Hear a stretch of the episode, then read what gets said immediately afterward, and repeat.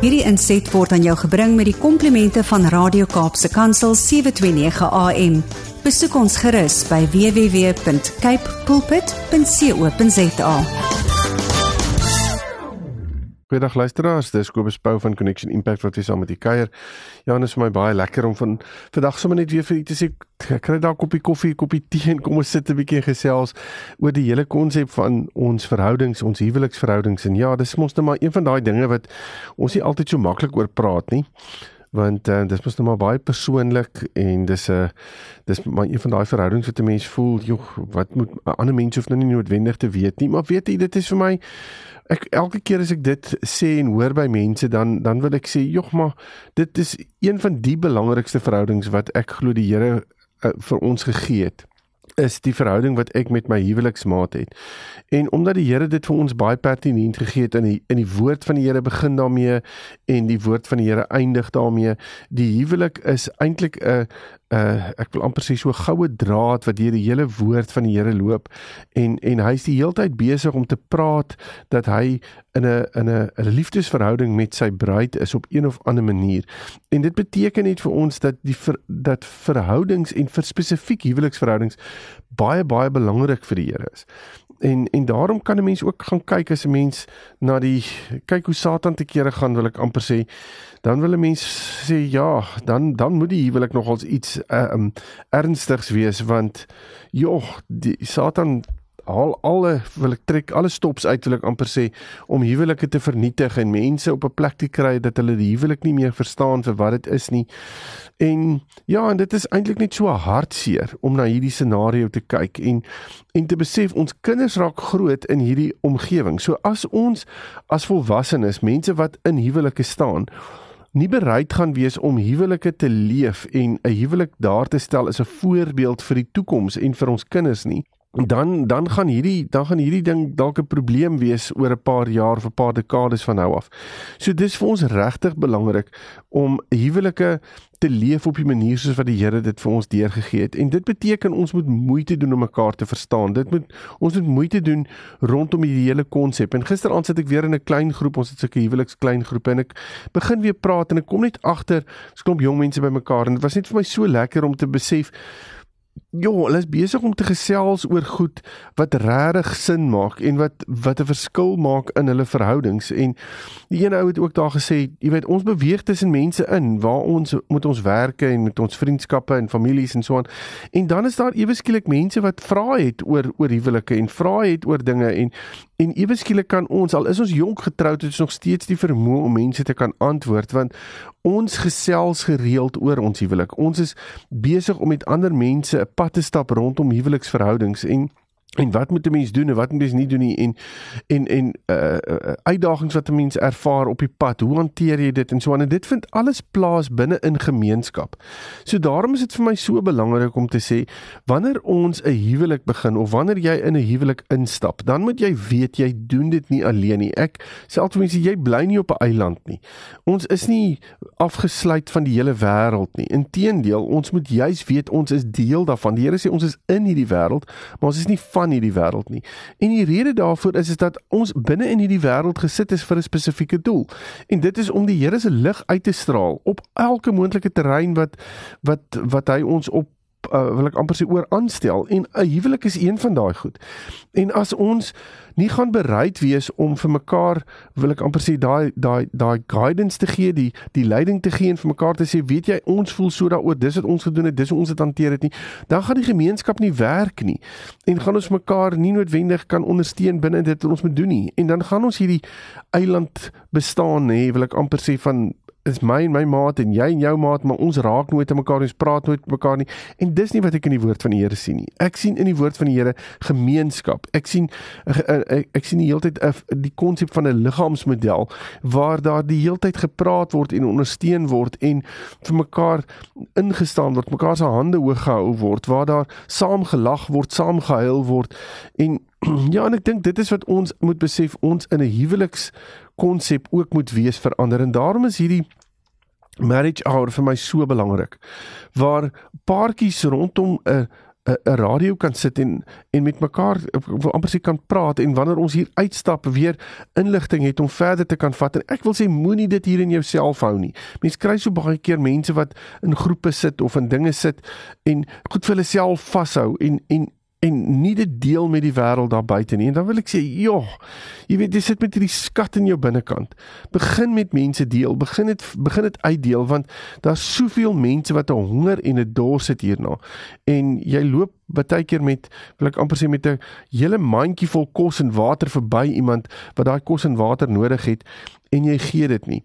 En en hoekom doen jy dit nie? Uh want jy's bang jy's besig om in iemand se lewe in te spreek of iets van die aard dis juist dalk wat hulle nodig het dat daar ingespreek word en dat daar omgegee word. En ek praat nie van op 'n veroordelende beter weterige manier nie.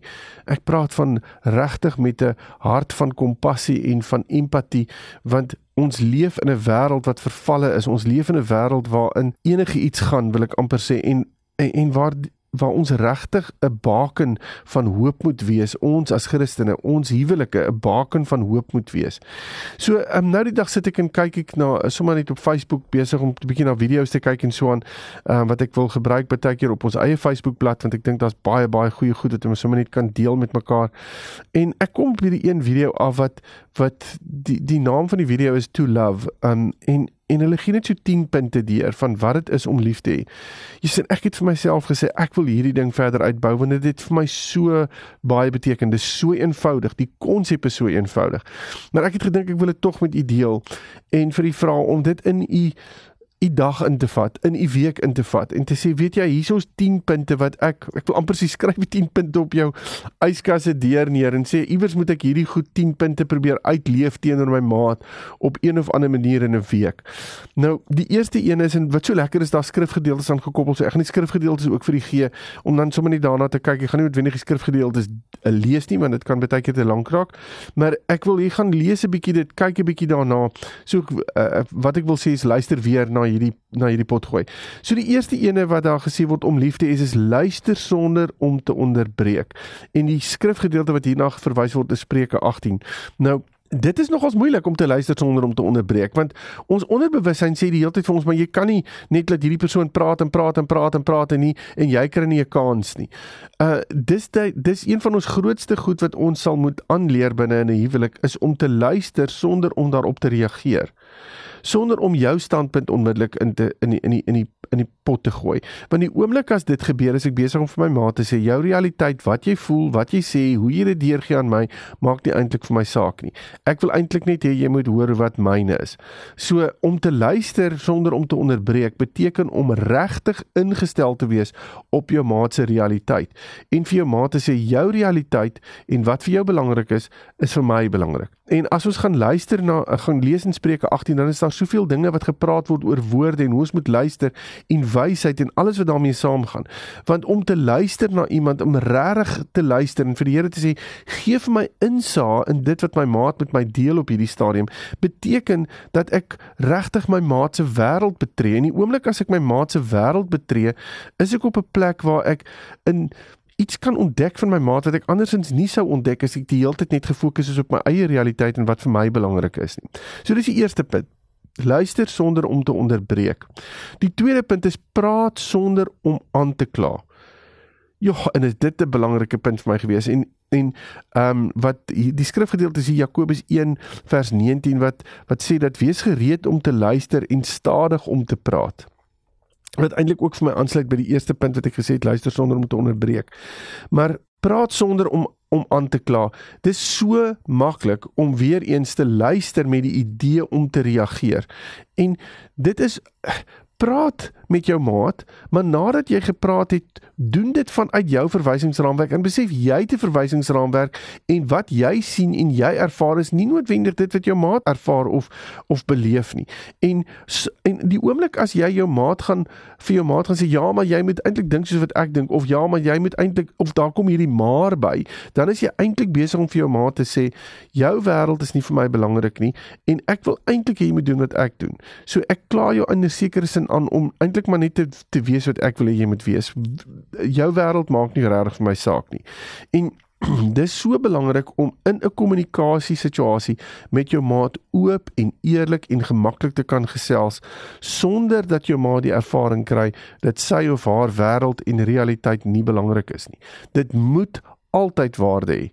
Jy daar al al verskil ons. Dit maak nie saak nie al is daar 'n konfliksituasie, moet jou maat nog steeds die ervaring hê dat sy of haar realiteit waarde het en gewig dra.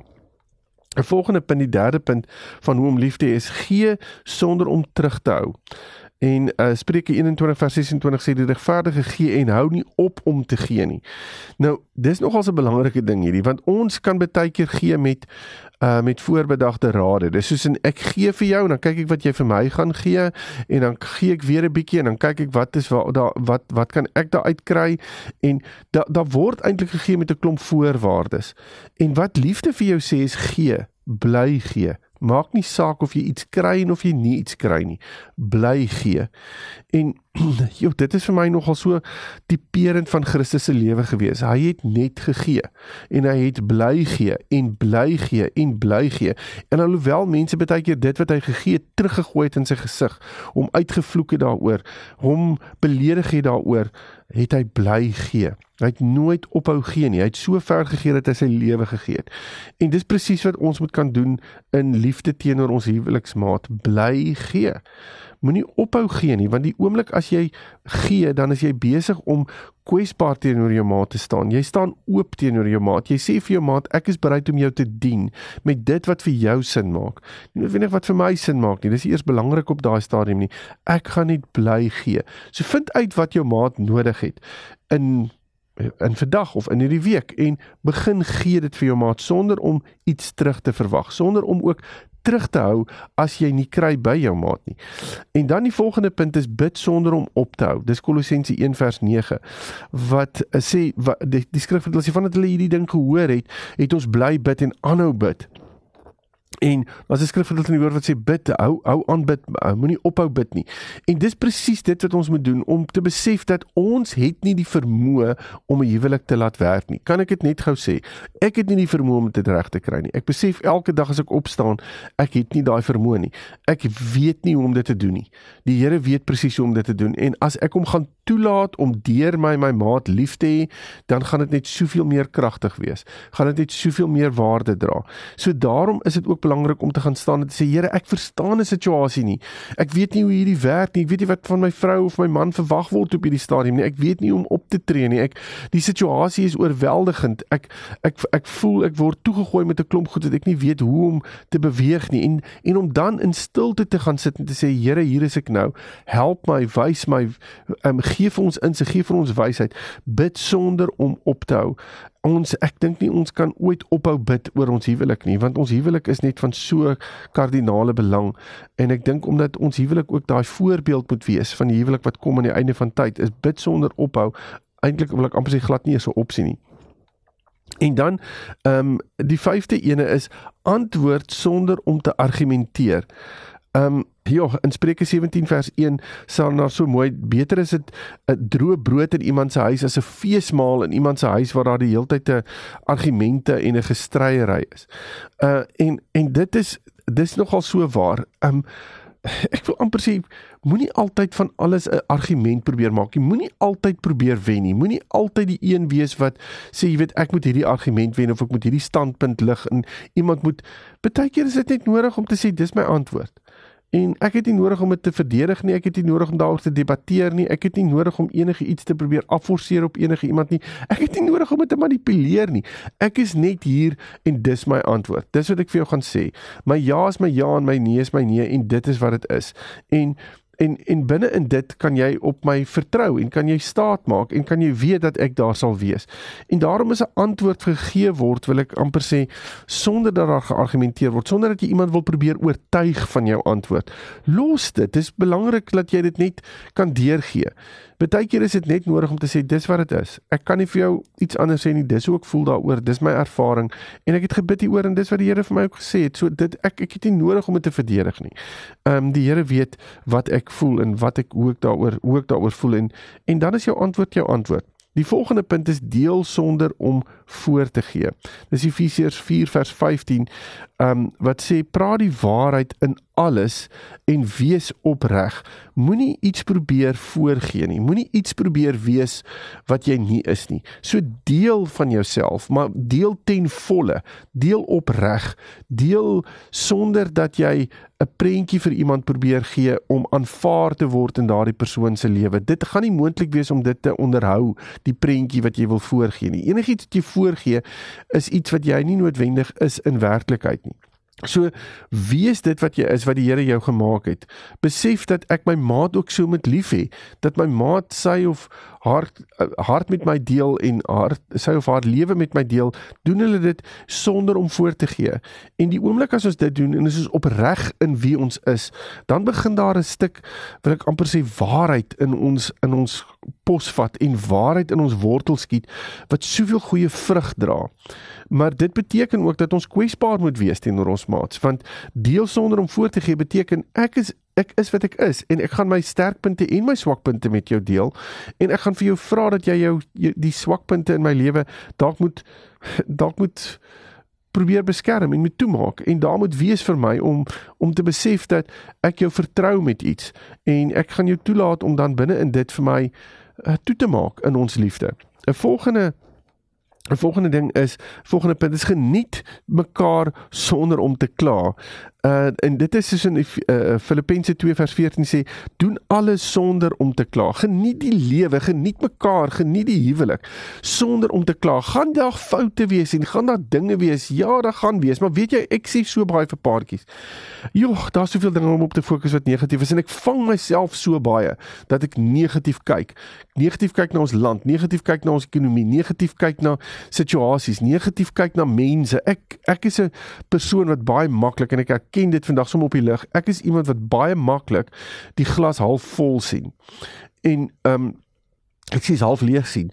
En, en en negatief is daaroor en En Linda sal baie keer my vrou sal baie vir my sê, "Joh, jy weet dit is hom nie so erg nie." En en dis wat ek wil sê, ek besef ons moet mekaar sê, kom ons fokus op die positiewe, die goeie, die regte in die lewe.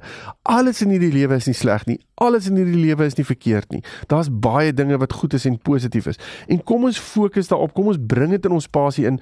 Kom ons celebrate dit vir 'n verandering. Kom ons sê vir mekaar, vandag is 'n dag wat ons nie gaan kla nie. Vandag is ons klaar, vandag waar ons net die positiewe gaan raak sien. Vandag is 'n dag waar ons die positiewe gaan uitbring in mekaar en vir mekaar dit gaan uitwys in mekaar en regtig net gaan gaan eh, die goeie gaan oor dit gaan feesvier in mekaar se lewe. So kom ons doen dit baie intentioneel. Ons kan bitter maklik die negatiewe inbring en die negatiewe kan ons baie maklik oorweldig.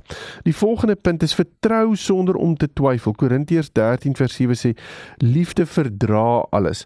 Jogg en ons het gisteraand die vraag gevra, wat sê jy as jy sê jy, jy, jy, jy ek vertrou jou.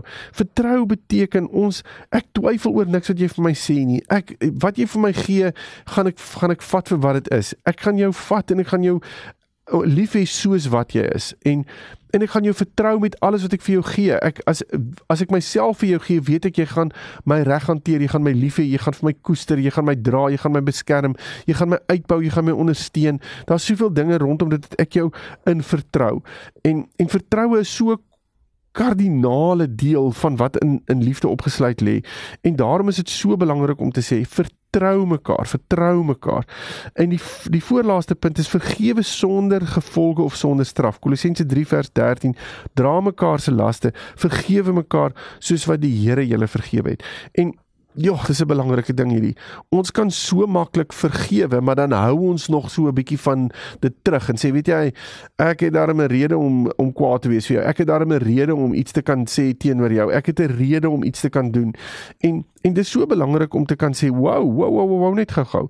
Ek gaan nie vir jou vergewe met 'n voorwaarde nie. Ek gaan vergewe en ek gaan en ek gaan nie 'n voorwaarde voorwaarde daaraan koppel nie. Of jy anders gaan optree of jy nie anders gaan optree nie, dis nie eintlik te sprake nie. Ek wil jou vergewe vir wat gebeur het en ek gaan met jou praat daaroor en ek gaan dit vir jou uitbring en dan is dit jou verantwoordelikheid binne in 'n huwelik. As jy weet daar was vergifnis en jou maat het jou vergewe, is dit jou verantwoordelikheid om daai vergifnis op te tel en jou maat te ontmoet op daai plek. En dan wat 'n bietjie aansluit by die vertroue, die heel laaste punt is beloof sonder om te vergeet. Spreuke 13 vers 12. Beloftes wat waar word is soos 'n boom wat lewe gee. En En dit is so belangrik as ons net vir mekaar die beloftes wat ons teenoor mekaar maak. Ons kan mekaar mos sulke goed sê. Ja man, ek sal dit vir jou gee. En ja, dis waar en ek beloof ek gaan dit vir jou doen en ek gaan anders optree en ek gaan hierdie doen, ek gaan daai doen. En dis beloftes. Daai is alles beloftes wat jy vir jou maat gee. So as jy hierdie beloftes het, wil ek vir jou sê begin begin dit uitleef, begin begin daai beloftes waar maak want die oomblik as jy dit begin doen begin jou maat sê wow ek kan jou vertrou met jou woord. Ek weet wie jy is is wat jy is. Jy's opreg. Jy staan voor my as 'n ware opregte persoon. Jou ja is jou ja jou nee is jou nee. En ewe skielik is dit voel ons dat ons verhouding groei en ontwikkel. Nou ja daar's so baie wat ek oor die 10 punte gaan sê en ek gaan 10 en dit verder nog uitbou en op ons webtuiste en en en uh, verder uit uh, daaroor gesels. Ehm um, so ja ach, as u verder met my wil kennis maak asseblief kontak my op my webtuiste connectionimpact.co.za. Ons maak dit deel van ons database en jy kan sommer nuusbriewe en dinge van ons kry. Maar die ander deel is gaan gaan praat 'n bietjie oor hierdie 10 punte met mekaar en kyk watter van hierdie punte kan julle op 'n daaglikse basis teenoor mekaar regtig uitleef want ek dink as ons dit doen, gaan die liefde wat binne in 'n huweliksverhouding is net soveel meer diepte en waarde kry. Nou ja, tot volgende keer dan. Totsiens. Hierdie inset was aan jou gebring met die komplimente van Radio Kaapse Kansel 729 AM. Besoek ons gerus by www.cape pulpit.co.za.